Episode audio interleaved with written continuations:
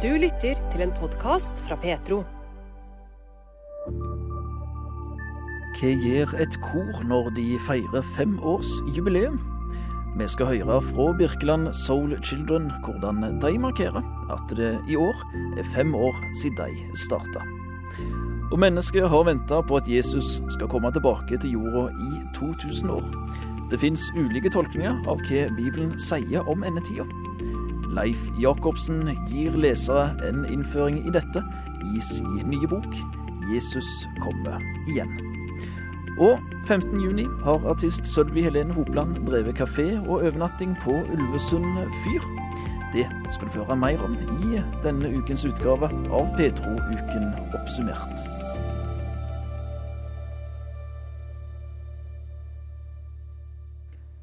Einars poptips for denne uka, i tillegg til ukens refleksjoner, dukker òg opp i løpet av den neste drøye timen.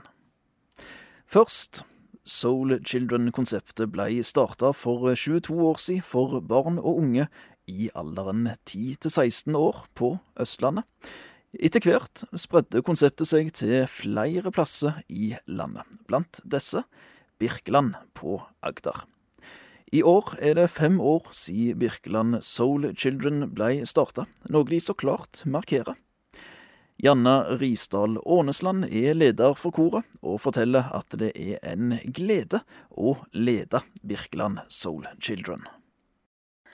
Det er jo bare en fest og en glede å, å få ha et kor som jeg møter hver uke, hver onsdag, til øvelser. En kjempefin gjeng med bare jenter er de nå, da. Men eh, veldig, veldig stas å få være sammen med de. Dette er barn og ungdom fra femte til niende klasse, og noen av de har da kanskje vært med helt siden, si starten for fem år siden? Ja, det er jo eh, noen som har vært med hele tida, og det er veldig, veldig stas. De, eh, det er jo en veldig sånn fin og stabil gjeng som syns det er veldig gøy å være med, og som starter i 5. klasse, og som blir med så lenge de kan. Hva er tilbakemeldingene fra, fra de som er med i, i koret på, på hvordan, det har, hvordan, det er å, å være med i, i et uh, Soul Children-kor? De syns jo det er veldig fint å ha et sånn miljø som er sånn støttende og godt. Et fint sted å være.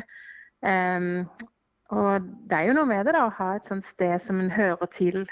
Å møte andre som er glad i å Eh, å synge. Og eh, synge til Jesus, ikke minst. Så de syns jo det er veldig fint å være der, da. Og i år så feirer dere femårsjubileum. Og, og det gir dere på flere måter. ja. Det er jo noe med å gjøre stas på seg sjøl når en har noe å feire. For da er det rett og slett fem år siden ja, vi ble med i Soul Children-familien. Da ble jeg Virkeland Soul Children. Ehm, og da feirer vi det med eh, å gi ut ikke bare én, men to jubileumslåter. Ehm, og da fikk vi én låt av en som jobba i menigheten her før. Sondre Storstadmo. Han hadde skrevet en låt som vi kunne få lov til å spille inn og gi ut. Eh, og så er den andre låten skrevet av ei som går i koret vår. Eh, Lydia. Hun går i åttende klasse. Hun har skrevet den andre låten. Hvordan var det si, både for, for deg og, og, for eh, kanskje spesielt for, eh, for de som er i koret, å få lov til å, å, spille inn og gi ut musikk? Nei, det er jo utrolig gøy å få være med på. Eh, og veldig stort å få komme i studio og Ja, det er jo liksom veldig sånn ordentlig, da. Eh, og så har de fått veldig sånn eierskap til disse to låtene som vi nå har fått. Eh, så det er blitt veldig sånn signaturlåter. I hvert fall den første som kom ut, som vi har fått brukt lengst. Ja, nei, veldig, veldig stas å få være med på. Femårsjubileum i år. Eh, veien framover, hvordan eh, ser du for deg den blir for, eh, for Birkeland Soul Children? Nei, vi har allerede fått enda mer pengestøtte fra den lokale sparebanken. Eh, så vi må rett og slett skrive flere låter og gi ut enda mer musikk. Det er det som er planen eh, det neste året, i hvert fall. En av eh, disse to sangene som Birkeland Soul Children nå har gitt ut i forbindelse med sitt eh, femårsjubileum, det er sangen 'Stol på Jesus', skreven av 14 år gamle Lydia Johanne Zett. Og Lydia, hva handler denne sangen om? Sangen handler om at Jesus har en eh, plan for deg, og at det kan være vanskelig å vite at du eh, betyr noe, for at verden er stor og du er liten. Eh, men som kristen så kan jeg stole på at den planen er god, at han kjenner meg sånn som han er, og at jeg er god nok. Du har skrevet, skrevet denne sangen og, og, hatt noen eh, tanker som du på en måte har satt ned på papir. Hvordan har det vært å skrive en sang? Jeg ble veldig glad da Janna spurte om jeg ville skrive jubileumssang. Eh, og det var veldig gøy å skrive den. Når først ideen om å skrive om at Gud har en plan for deg, gikk det ganske raskt å skrive den. Og nå har den altså blitt, blitt gitt ut òg, Uh, spilt inn og gitt ut. Du er solist på utgivelsen. Hvordan har det vært å ikke bare få skrive en sang, men òg oppleve at den blir spilt inn og få lov til, til å synge den sjøl? Det var veldig gøy å synge den inn. Det var spennende, fordi jeg visste den skulle komme på Spotify. Eh, jeg var veldig spent da sangen kom ut. Det er jo litt skummelt å vite at folk i hele verden kan høre den. Men det var en veldig god opplevelse, og jeg syns det er et viktig budskap, og jeg håper at folk får høre det. Hva håper du uh, at de som hører sangen, skal på en måte sitte igjen med, eller eh, tenke litt ekstra over når de har hørt den? Jeg håper at de får en trøst om at uh, Gud har en plan for deg, at du ikke er aleine. Det sa Lydia Johanne Zett, som har skrevet sangen Stol på Jesus én av to sanger Birkeland Soul Children har gitt ut som del av sitt femårsjubileum, og som er tilgjengelig for strømming på Spotify. I innslaget hørte du òg korleder Janna Risdal Ånesland, og de ble intervjua av Tollef Børsedal. Takk for at du lytter til denne podkasten fra Petro. Liker du det du hører, setter vi pris på om du tipser andre om radiosendinger og podkaster fra Petro. Du finner oss på DAB, og både radiosendinger og podkaster er tilgjengelige i Petro-appen, som enkelt lastes ned fra Google Play eller AppStore. Hver veke her på Petro presenterer Einar Helgås et poptips med refleksjoner rundt store og små livstema knytta opp til kvalitetspopmusikk. Til daglig jobber Einar Helgås i Laget, Norges kristelige student- og skoleungdomslag. Det går en historie om en menighet i Tyskland som har en flere hundre år lang tradisjon på gudstjenesten. Som jeg husker det, snur de seg og leser noe som står på veggen bak, før de snur seg igjen og fortsetter. Problemet med denne handlingen er at innholdet er dødt. Ingen vet lenger hvorfor de gjør det. Det er ikke lenge siden det engelske kongehuset ble tematisert sist her på Poptipset, og i dag er vi i gang igjen. Sist søndag fikk Storbritannia en ny konge for første gang på 70 år. 20 millioner briter fulgte TV-sendingen, sammen med flere hundre millioner verdensvidt. Interessant nok står kristendom svært sentralt i dette, bare hør kjerneformuleringen i kongens ed. Jeg, Charles, bekjenner, vitner og erklærer høytidelig og oppriktig i Guds nærvær at jeg er en trofast protestant. Hans mor er blitt kalt den siste ekte troende. Rett og slett den mest sanne religiøse som har ledet den anglikanske kirke gjennom kongemakten siden 1600-tallet. Særlig fra rundt år 2000 var dronningen svært eksplisitt om hennes kristne tro. Charles derimot har en annerledes tilnærming. Han er mer åndelig og intellektuell. Han er en slags åndelig søkende. Mens de kongelige har sine varianter av tro, lever vi i Vesten i en sterkt sekularisert tid. Og hvorfor tar da likevel millioner til gatene og skjermene sine for å se dette likevel? Jeg er ingen ekspert og vil ikke klare å analysere dette til bunns uansett. Men kan det hende at vi mennesker trenger å få del i noe større innimellom? Noe som overgår bil, buss og bane til jobb, arbeidets strev, familieliv og huslige plikter? Gjennom å høre salmer med formelt språk se velkledde gardister stå på rekke og rad, se vakre prestelige drakter og se edelsteiner på staselige kroner. Vel, kanskje dette kan gi en følelse av storhet, og kanskje til og med gjenspeile Guds storhet? En ting som er sikkert, er at Gud har vesentlig større tanker om vår relasjon til Han enn at vi skulle være entusiastiske publikummere til religiøse seremonier, uansett hvor alvorlige de måtte være, og uansett hvor alvorlig de kongelige måtte ta sin tro. I den ekstremt populære serien The Crown ser vi Winston Churchill gå inn på flyet før dronning Elizabeth skulle på en stor verdensturné, og der sier han Let them only see the eternal. La de bare se det evige. Hun skulle ikke vise menneskelig svakhet, men skulle være som et gjenskinn av Gud, der hun gikk rundt i klær tilpasset de enkelte kulturene og holdt taler som skulle skape identitet til kongehuset og England. Ingen enkel oppgave. Selv om The Crown har tatt seg relativt store friheter i måten de har fortolka kongehuset på, er det nok ingen tvil om at oppdraget med å la folk kun se det evige, i større og større grad har slått sprekker med årene. Indre trøbbel har ridd det som en mare, særlig siden Diana døde.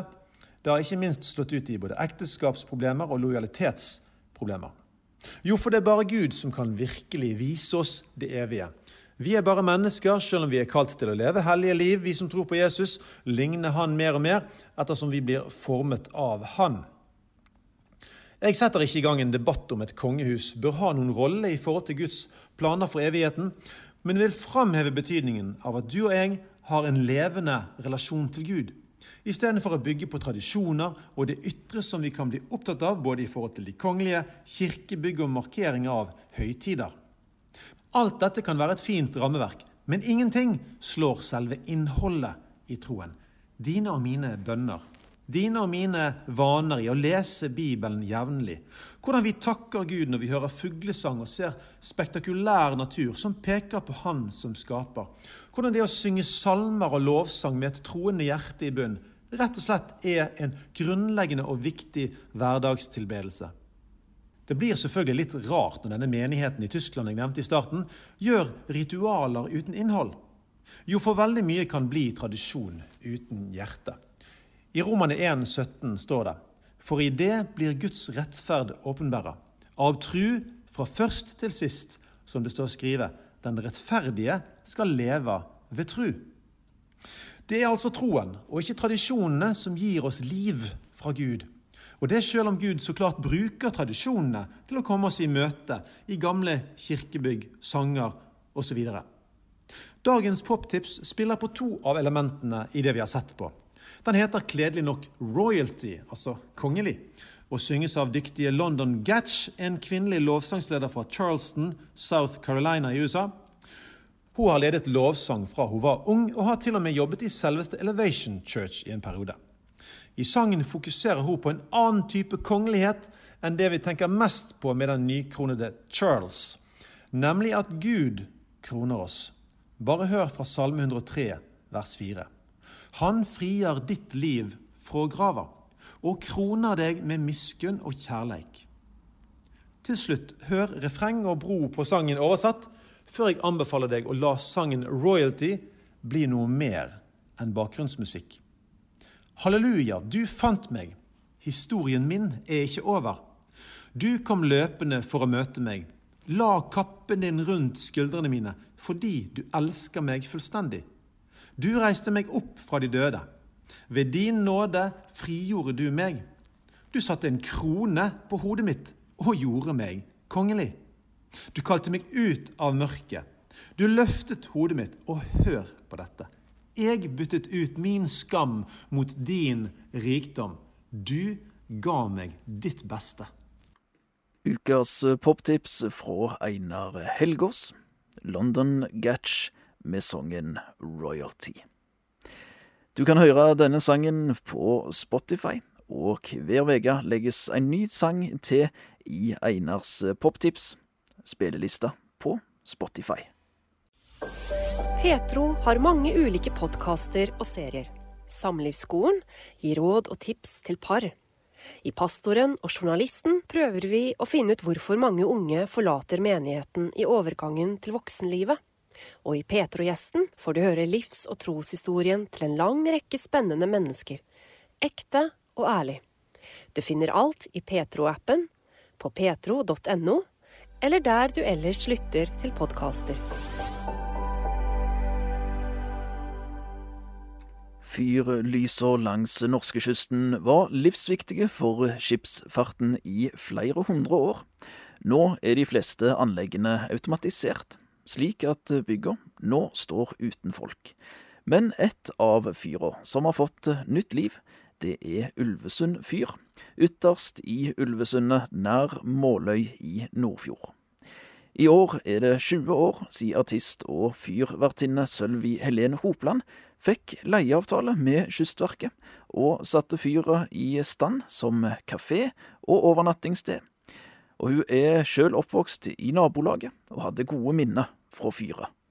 Jeg har jo vokst opp med å sitte i den fyrstua mye i barnebursdager, og fra 1974 til 1976 bodde det en musikalsk familie som kunne de samme sangene som min familie.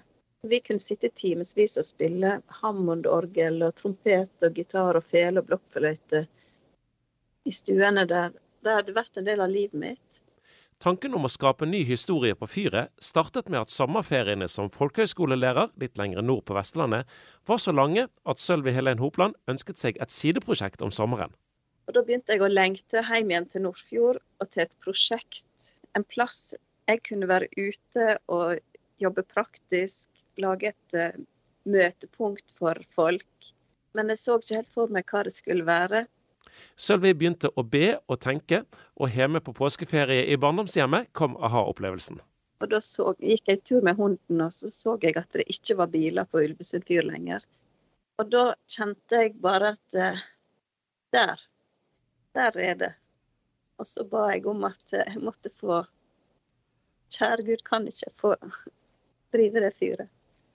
Sånn at det kan uh, bringe lys til folk. Og jeg fikk en sånn uh, umiddelbar følelse av at det kom til å bli sånn. Og det var Kystverket som både bokstavelig og i overført betydning satt med nøkkelen til Ulvesund fyr. De var nok mer vant med smøreolje, strømledninger og murmaling enn med drømmende kunstnere med helt nye visjoner for bruksområder for et nedsarvet fyranlegg.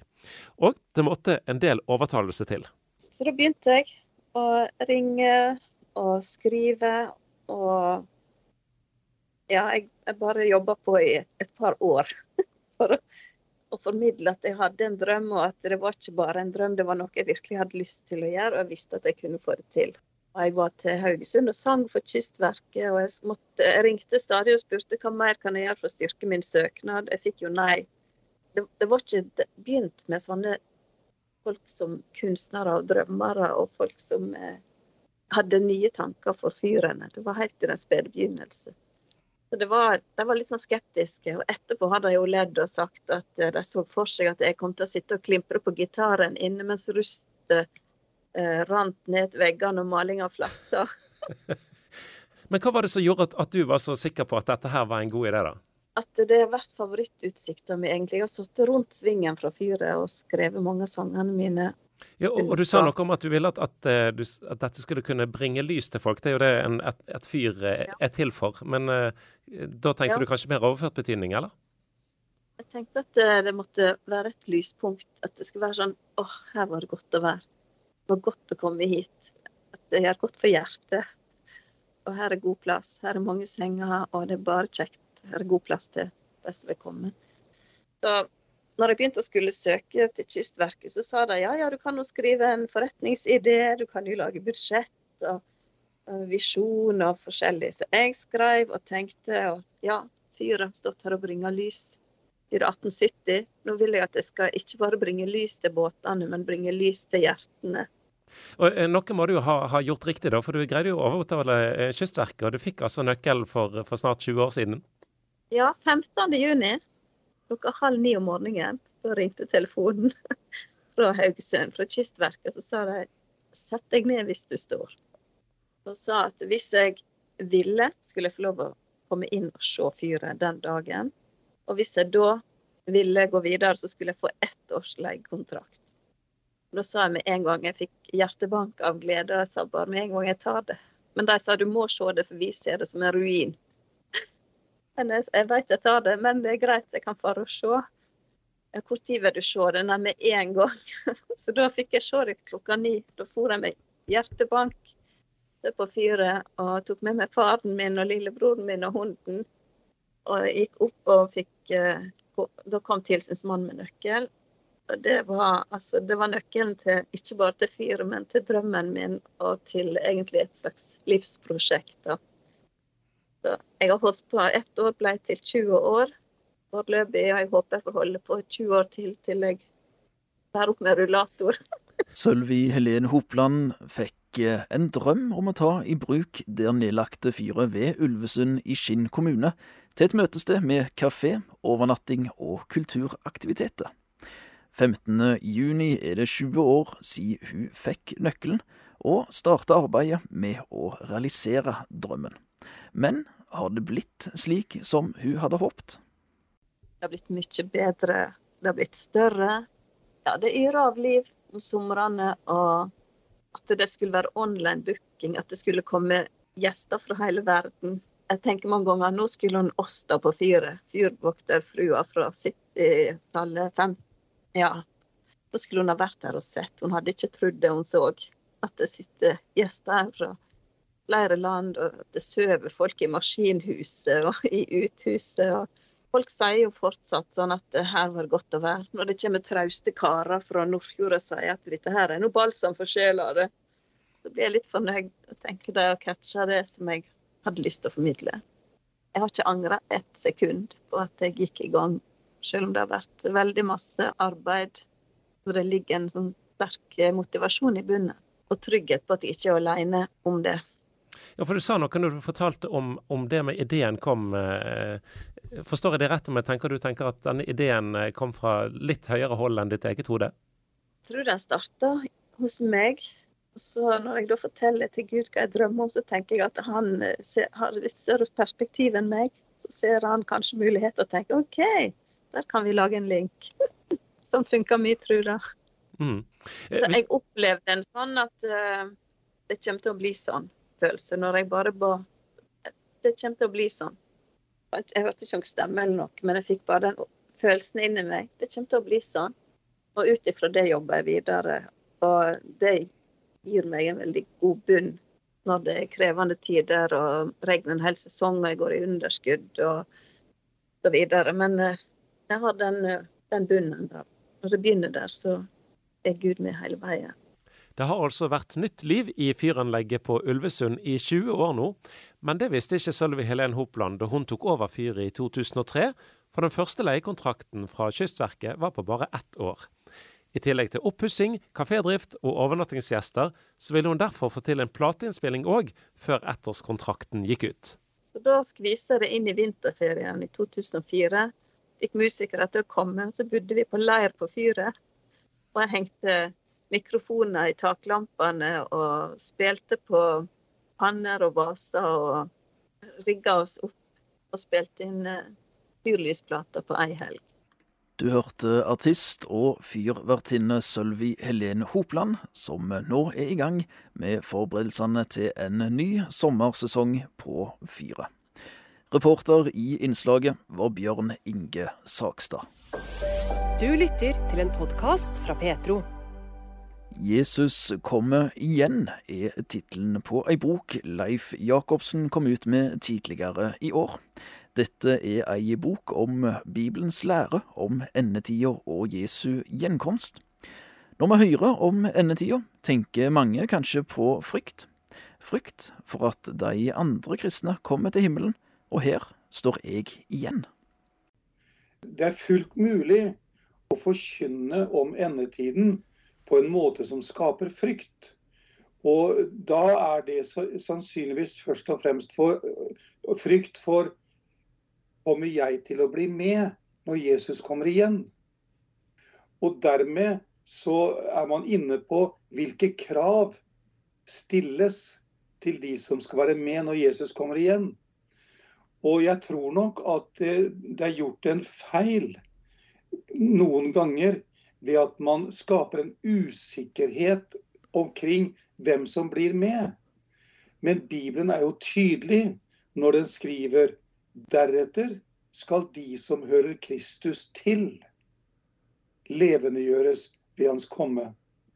Eh, og hva vil det si å høre Kristus til? Jo, det vil jo si at du har tatt imot Jesus som din frelser. Og det er av nåde, ved tro. Det er ikke vanskelig i det hele tatt. Så eh, jeg tror vi må begynne der. Eh, og skape en visshet om at du tilhører Jesus. Da blir du også med når Jesus kommer igjen. Så kan man på den annen side sikkert også skape frykt ved å tegne litt for mye ild og svovel i framtiden. Altså ta fram den siden som er fryktinngytende. Og det er rikelig med ild og svovel i beskrivelsen av endetiden. Men det er jo Guds dom over en verden som har vendt ham ryggen. Og jeg vil jo tro at de som har vendt Gud ryggen, de er ikke veldig opptatt av Jesu gjenkomst. Det er jo de som eh, har eh, tatt imot han, eh, og som har en usikkerhet omkring det. Det er jo de vi må hjelpe så godt vi kan. Men Du har jobba med dette temaet siden 1970-tallet, og du har sikkert møtt mange mennesker også, som har den erfaringa med denne forkynnelsen, at de er redd. Hva sier du til mennesker som, som har den opplevelsen? Ja, eh, og det er jo ikke få av de, mener jeg. Eh, det er vel noen og enhver som i sine unge barneår åpnet døra inn til foreldrenes soverom for å sjekke er de der, eller har de blitt tatt med. Eh, nei, altså dette med frelsesvisshet. Jeg tror det er vesentlig. Jeg husker for min egen del, da jeg ble frelst, så var navigatørene med i arbeidet med de nyfrelste. Og navigatørene hjalp oss til å bygge frelsesvissheten på ordet, og ikke på følelsene.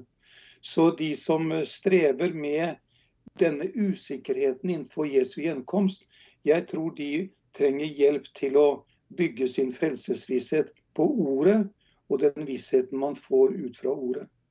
Så er det klart at Eh, som jeg nevnte, måten man forkynner om endetiden på, er vesentlig. Å fokusere på det kristne håpet. Jeg vil gi dere framtid og håp, sier Gud gjennom Jeremias. Han har gjenfødt oss til et levende håp, eh, sier Bibelen. Så, så det, det, kristne håpet, og det, det er mitt ønske med denne boken, det er å understreke det kristne håpet. Vi er håpets folk midt i en verden som i stor del er preget av håpløshet og usikkerhet. Vi har en retning på livet vårt. Vi er på vei til noe bedre. Leif Jacobsen er forfatter av boka 'Jesus kommer igjen', som kom ut tidligere i år. Dette er ei bok om Bibelens lære om endetida og Jesu gjenkomst. I 2000 år har kristne venta på at Jesus skal komme igjen for andre gang. Mange har lest det Bibelen sier om endetida, og tolka det inn i tida de sjøl lever i. Det er ulike tolkninger om hva Bibelen sier om endetida. Leif Jacobsen prøver i boka si å gi en innføring i de ulike tolkningene. For det jeg forsøker i boka, er jo å redegjøre for ulike syn. Selv om jeg lar mitt ståsted skinne igjennom, så forsøker jeg å yte andre syn en viss rettferdighet ved å redegjøre for de. Eh, og det, det har tatt sin tid.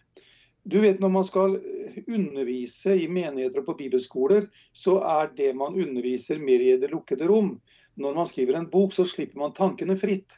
Og da møter man mange mennesker og mange, typer, mange holdninger og mange oppfatninger.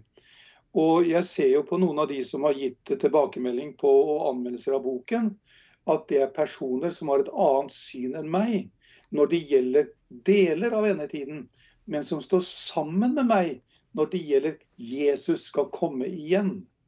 Eh, og det er en levende sannhet ut fra Guds ord. Men dette er jo et tema en har snakket om i ca. 2000 år. Eh, nå, nå har det jo gått med lang tid, og folk har vært opptatt av dette temaet. Og, og en har òg sett ting i, i, i verden som, som, sier at OK, nå, nå skjer det tegn som, som, sier at nå nærmer det seg. Hvorfor skal en tro at det nærmer seg nå? Eh, hvorfor skal dette være aktuelt nå, i vår tid? Ja, det er, det er helt riktig. Det eh, til, til, alle tider, alle generasjoner, har troende hatt en forventning om at Jesus skulle komme igjen i deres generasjon. Eh, nå, slik jeg utlegger tegnene, og spesielt når det gjelder synet på Israel, at det har en plass i endetiden, så står det i Bibelen ting som tyder på at eh, Israel skal komme tilbake til sitt land, altså 1948. Eh, og også andre hendelser som beskrives, som forteller at eh, frelsen er oss nærmere nå enn den gang vi kom til troen, for å sitere Bibelen. Eh, men ingen kan si når. Eh, så eh, på spørsmålet når kommer Jesus igjen, så er svaret han kommer snart. Og snart er et sted som ikke kan historisk bestemmes tidsmessig. Så derfor skal vi være veldig forsiktige med å antyde og postulere og anta at Jesu gjenkomst skjer på en bestemt tid, bestemt år, bestemt årstall. Det er jo rikelig med eksempler på slike ting opp gjennom historien. Felles for alle er at de tok feil. Eh, men det at Jesus kommer igjen, det er en forventning som jeg tror faktisk Den hellige ånd er med og skaper i oss som troende. altså. Vi, vi, vi venter på den, denne store dagen. Så vil jeg avslutte med å si det er jo ikke prinsipielt noen forskjell mellom det som skjer når Jesus kommer igjen fysisk, og det som skjer når vi har vår siste dag her på jorden og legger oss til hvile og dør. Da skal vi også møte Jesus. Så forventningen om Jesu gjenkomst, den er levende. Noen skal oppleve han kommer i skyen, andre skal oppleve han kommer og henter oss hjem. Vi lever i Norge i et samfunn som eh, har det alt når vi sammenligner oss med andre rundt omkring i verden. Vi har det godt i Norge på mange måter. Eh, men allikevel så opplever vi nå eh, krig i eh, Europa. Vi opplever økonomi som er krevende for mange. Eh, og så har vi da alle disse klimaspørsmålene òg, og klimaendringer som òg begynner å prege oss eh, mer og mer òg her i Norge. Er dette temaet som du skriver i boka nå, altså er det for å si det sånn, er, er det tilfeldig at boka di kommer nå? Eh, jeg eh, har i hvert fall opplevd en stor respons på boka. Det er som en viss åpenhet eh, for eh, undervisning om endetiden Eh, en kristen bokhandel sa at det er en veldig, veldig, oppmerksomhet og interesse for det han kalte endetidsbøker for tiden. Jeg vil nok være litt forsiktig med å skyve alle problemer fram i framtiden. At en gang skal alle problemer få en løsning når Jesus kommer igjen. Jeg tror at det må kunne gå an og ha en forventning om at Jesus skal komme igjen og sette alt i rette stand, samtidig som vi tar vårt ansvar her. Vi har et ansvar for å stifte fred. Vi skal ikke holde på å krige mot hverandre. Det er så primitivt. Og vi har et ansvar for den, den naturen og det skaperverket vi er en del av, og ikke forbruke det, men forvalte det. Så det kan jo uh, feilaktig kan eh, forventning om endetiden skape en blindhet for den tiden vi lever i. At ikke vi tar ansvaret i den tiden vi lever i, og skyver alt inn i en framtid. Nei, nei. Eh, forventningen om at Jesus, en gang skal komme igjen, det eh, inspirerer meg til å ta et ansvar for det samfunnet jeg er en del av, og den naturen og det, det, som, som vi skal forvalte. Mange opplever at frykt blir et tema når vi snakker om endringer i klima og framtida til kloden vår. Og mange kjenner òg på frykt når endetida blir et tema. Jesus kommer igjen er tittelen på en ny bok fra Leif Jacobsen. Dette er ei bok om Bibelens lære om endetida og Jesu gjenkomst. vår tids ungdom er vel de som sterkest minner oss om at vi har all grunn til å frykte, eh, slik som vi har forvaltet vår klode. Og skal du finne svovelpredikanter, så leter du nok forgjeves blant kristne forkynnere. Da bør du lese, lete blant vitenskapsmenn og dagens ungdom som maner til at vi må ta ansvar for den kloden vi, vi bor på. Eh, nei, jeg tror nok at uh, uansett vil ikke uh, utfordringene vi mennesker sliter, sliter, med, finne sin løsning før Jesus kommer igjen. Men vi skal ta vårt ansvar mens vi er her. Men jeg tror nok at vi, vi trenger én til slutt som kan komme og opprette tusenårsriket, som jeg også er inne på i boken min. Det blir en fantastisk tid. Ja, for du Leif Jacobsen, du har altså skrevet boka 'Jesus kommer igjen'. Eh, første opplag allerede vekke, altså utsolgt, og opplag nummer to er nå ute. Det betyr jo at folk er interessert i dette her. Men hva er din eh, interesse for dette? Hvor, hvor, eh, hva er grunnen til at du, du, er opptatt av dette? For du skriver at du har eh, undervist om dette her siden 70-tallet. Ja, nei, Det var en helt konkret sak. Eh, jeg var teologistudent i Göteborg, Metodistkirkens teologiske seminar, Øverås. Eh, I 1967 brøt seksdagerskrigen ut. Og i årene som fulgte, leste jeg bøker om emnet. Så det var helt konkret det som vakte min interesse om tematikken. Og nå er du ute med bok. Hva, hva er grunnen til at det har tatt så lang tid før, før du eh, fikk den eh, ferdig og publisert? Du, eh, som jeg nevnte for deg, så hadde jeg nok ikke den nødvendige kompetansen eh, før. Jeg begynte faktisk å skrive denne boka her Eh, i Jeg tror det var i 2009. Men det var nesten så Og jeg skrev, og jeg skrev en del, og jeg lot manuset ligge. Så det var som ikke jeg fikk klarsignal til å skrive manuset ferdig. Men så her i, eh, for et eh, års tid siden, i fjor sommer, så var det som jeg tenkte nei, nå, nå skal du skrive boka ferdig. Og da bare falt det helt naturlig. Så om det var overnaturlig, det vet jeg ikke. Eller om det var eh, inkompetanse eller manglende innsikt, det, det, kan godt tenkes. Men i alle fall så foreligger boka nå. Og jeg vil si jeg kunne ikke tidligere ha skrevet den boken som nå foreligger. Men har det prega deg på noen måte å, å skrive denne boka? Eh, du, denne undervisningen har jo vært en del av min undervisning av forkynnelse i menigheter, bibelskoler i innland og utland i mange år. Men eh, det som har preget meg spesielt, det er dette at eh, vi er håpets folk. Det å få fram en mobilisering blant troende. Eh, at det midt i dagens verden, dagens samfunn, med alle utfordringer de har, så skal ikke vi framstå som noen som er livsfjerne og virkelighetsfjerne og bare ser framover. Men vi har noe å melde til dagens samfunn. Gled dere! Det ligger noe fantastisk foran. Jesus kommer igjen. Vil ikke du også være med? Når vi snakker om Jesu gjenkomst, det henger jo litt i sammen med, med Kristi himmelfartsdag. Hvordan ville du forklart eh, Kristi himmelfartsdag på en uh, kort og konsis måte? Uh, nei, altså det at Jesus inntar kongeplassen ved Faderens høyre hånd.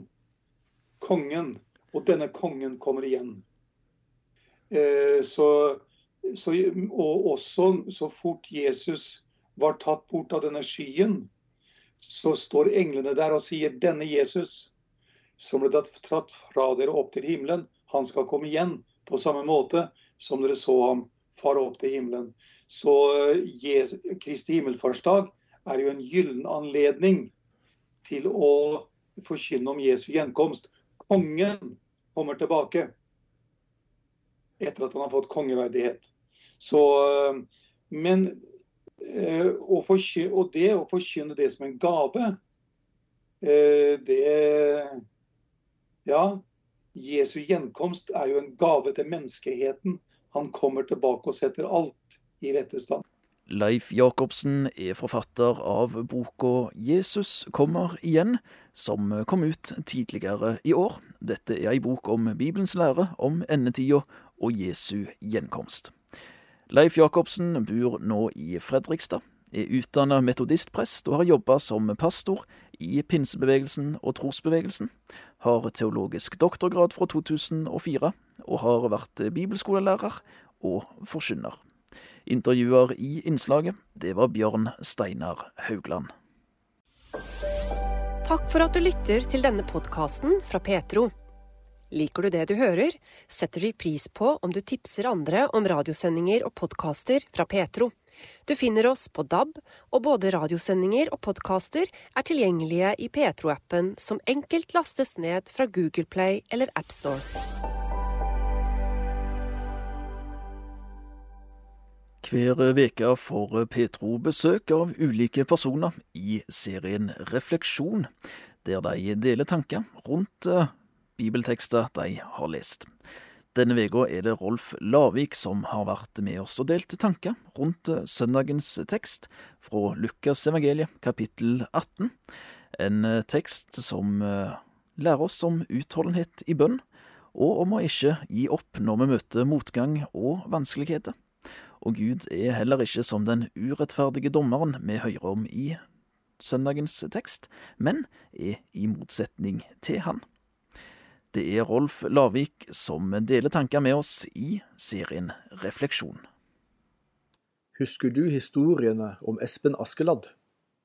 Historiene om snillhet og pågangsmot og integritet som vinner mot alle odds og så satt han også igjen med prinsessen og halve kongeriket. De eventyrene har inspirert generasjoner. De har hjulpet mennesker til å velge det gode. Gode historier har den effekten, for inspirering er historiefortellingens hovedformål. Dårlige historier har motsatt effekt, men det prater vi ikke om nå. Saken er at vi husker viktige ting bedre hvis det er baket inn i en historie som vi liker. For vi siterer gode filmer. Vi bruker ord og uttrykk fra hovedpersoner i en roman. Vi relaterer ting fra våre egne liv inn til berømte teaterstykker eller operaer. Fortellinger er så viktig for oss, fordi de hjelper oss til å huske viktige ting, og hjelper oss til å nærme oss den vi egentlig ønsker å være, for vi ønsker å bli bedre og vi ønsker å bli inspirert til det. Skal du inspirere eller hjelpe noen til å vokse, så fortell en historie, og knytt Guds ord inn i det. Det gjorde Jesus. Han fortalte lignelser. Og denne søndagens prekentekst starter med å si dette i klartekst. Han sa en lignelse til dem om at de alltid burde be og ikke bli trette. Det ville Jesus med denne korte historien, å hjelpe deg til å huske å be, og ikke bli trett, at du ikke skulle bli lei av å be. Fordi bønnen til Gud og det å komme til Gud, det er så viktig for deg. Kanskje du skulle ta fram din bibel og lese Jesu fortelling i dag. Den er til deg. Jesus vil at du skulle bli bedre, at du skulle bli inspirert og få styrket troen av denne fortellingen om en ond dommer og en fattig enke. Den står i Lukas 18 vers 1-8. Les den, og Gud velsigne deg.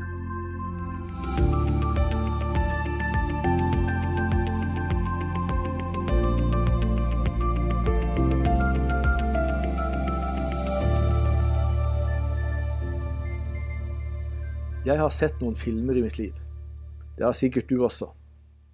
Og noe av det mest forvirrende er når helten og hovedpersonen i filmen er en skurk som gjør gale ting.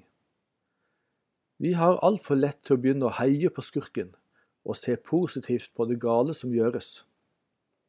Til slutt så svekkes jo vår moralske sans så mye at vi ikke engang tenker på at det er galt. Og dette er rett og slett filmbransjen som har det litt morsomt med å tulle med seernes hoder. Vi lures til å heie på feil personer, og gir oss ønske om å være slik vi egentlig ikke ønsket å være. For her er hvordan det egentlig er når vi bruker forbilder og eksempler. Vi kan enten beskrive gode forbilder. De inspirerer og skaper en gjenkjenningseffekt. Vi får lyst til å bli som dem. Men så kan vi også beskrive dårlige forbilder.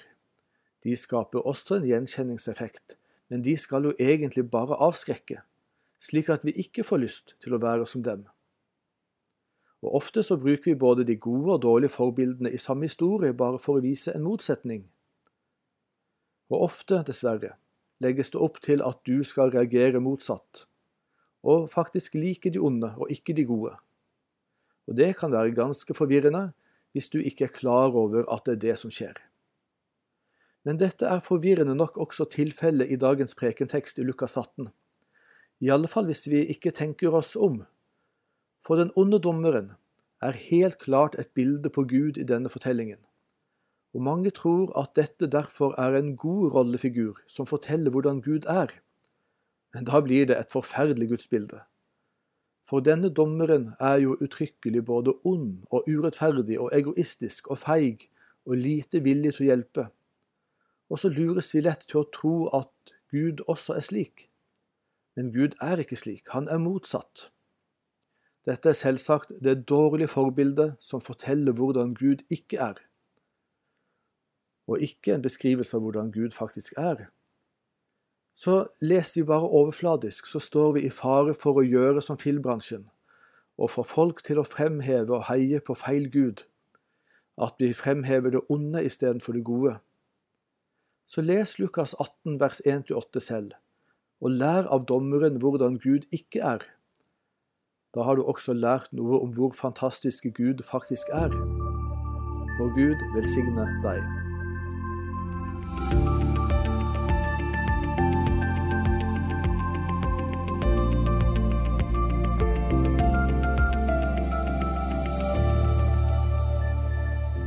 Det er egentlig tre punkter som må følges hvis du vil oppnå suksess.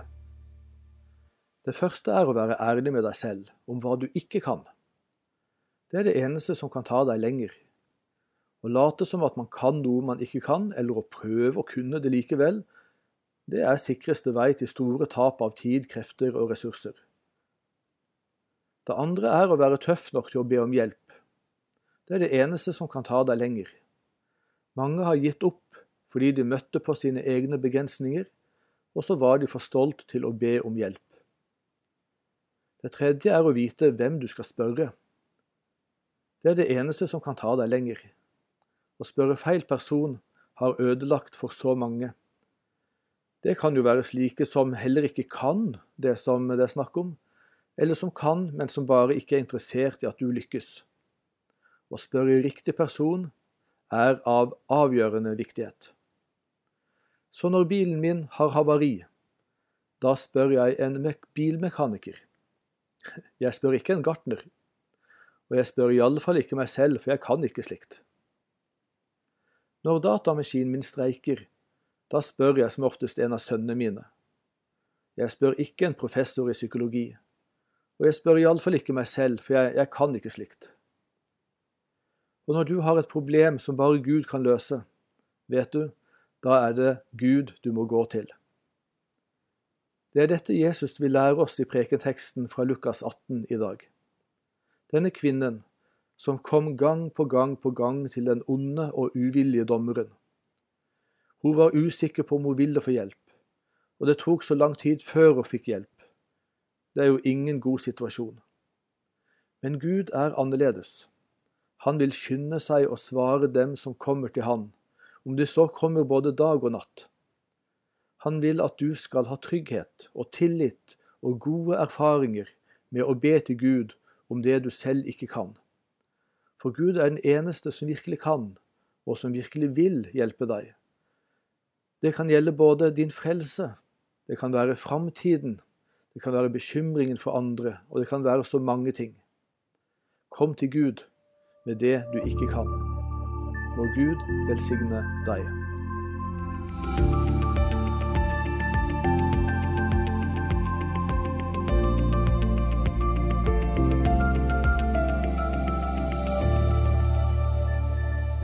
En av mine favorittmusikere, både som trompetist og sanger, er Louis Armstrong.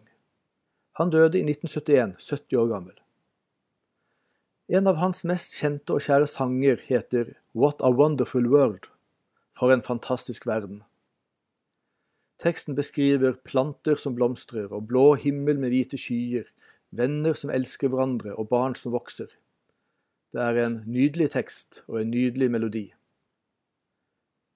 Jeg har også sett en musikkvideo av denne sangen, som ble laget lenge etter at Louis Armstrong var død. Samtidig som den fine teksten synges og den vakre melodien nytes, så vises bilder av krig og hungersnød, atombombe og mye annet vondt. Bilder som viser det grusomme i verden. Kontrasten blir så voldsom mellom den fine teksten og den fine melodien, og bildene som vises. For bildene beskriver jo det motsatte av teksten. Men dermed så trer jo teksten så mye tydeligere fram. Slik hvit skrift blir så mye tydeligere på svart bakgrunn. Vi ser hva som må bort for at det gode skal komme fram. Vi ser det som må verdsettes så mye klarere.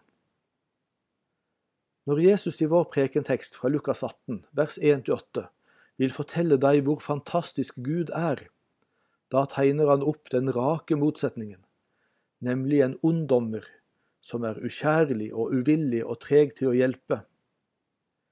Jesus vil at du dermed skal se Gud så mye klarere, som den uendelig gode, den uendelige kjærlige, den så voldsomt villige, og Han som er så rask til å hjelpe.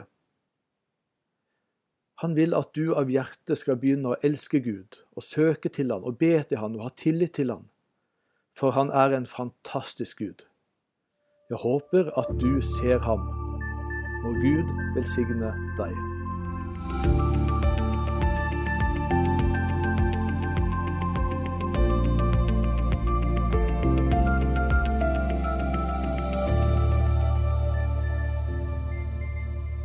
Du, eh, før jeg starter på denne dagens betraktning, så har du sett brillene mine? Jeg vet jeg la dem her et sted. Og mobilen min den er borte, og jeg har den på lydløs, og det, det, er jo litt dumt. Og siden du nå først er her og hjelper meg å lete, kan ikke du se etter finskoene mine også? Jeg vet jeg hadde dem i konfirmasjonen i fjor. Jeg føler meg av og til som en av røverne i Kardemommeby. Du husker vel røvernes letevise? Hvor er buksa mi? Hvor er skjorta mi? Og hvor er munnspillet mitt med fire toner i? Ja, og så videre. Du, du kjenner sangen. Jeg er sikker på at jeg hadde den i går. Vel, nok om det. I prekenteksten vår fra Lukas 18 så avslutter Jesus sin lignelse med å si at også han leter. Han leter etter deg, og han leter etter noe i deg. Han leter etter troen.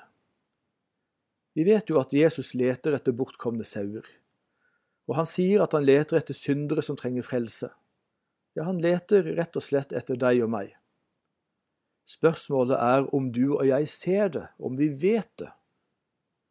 Finner Jesus i deg det han leter etter, nemlig dette at du tror på ham og kommer til ham og tar imot ham? Lignelsen Jesus fortalte i Lukas 18, var for å inspirere oss til å alltid be og ikke gå trett av det, altså alltid komme til Gud og ikke gå trett av å komme til Gud. Motivasjonen til det er å male et bilde for deg av den fantastiske Gud.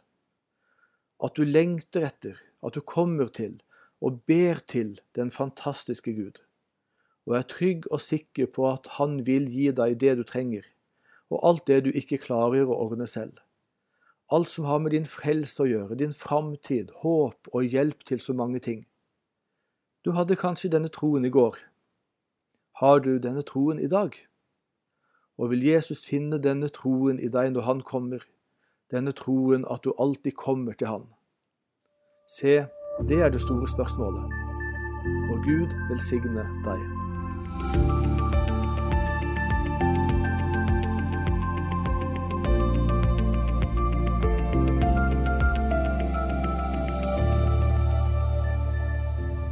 Det var Rolf Lavik som delte tanker med oss i denne ukens episode av serien Refleksjon. Du har lyttet til en podkast fra Petro. Du finner mer i Petro-appen, på petro.no, eller der du ellers lytter til podkaster.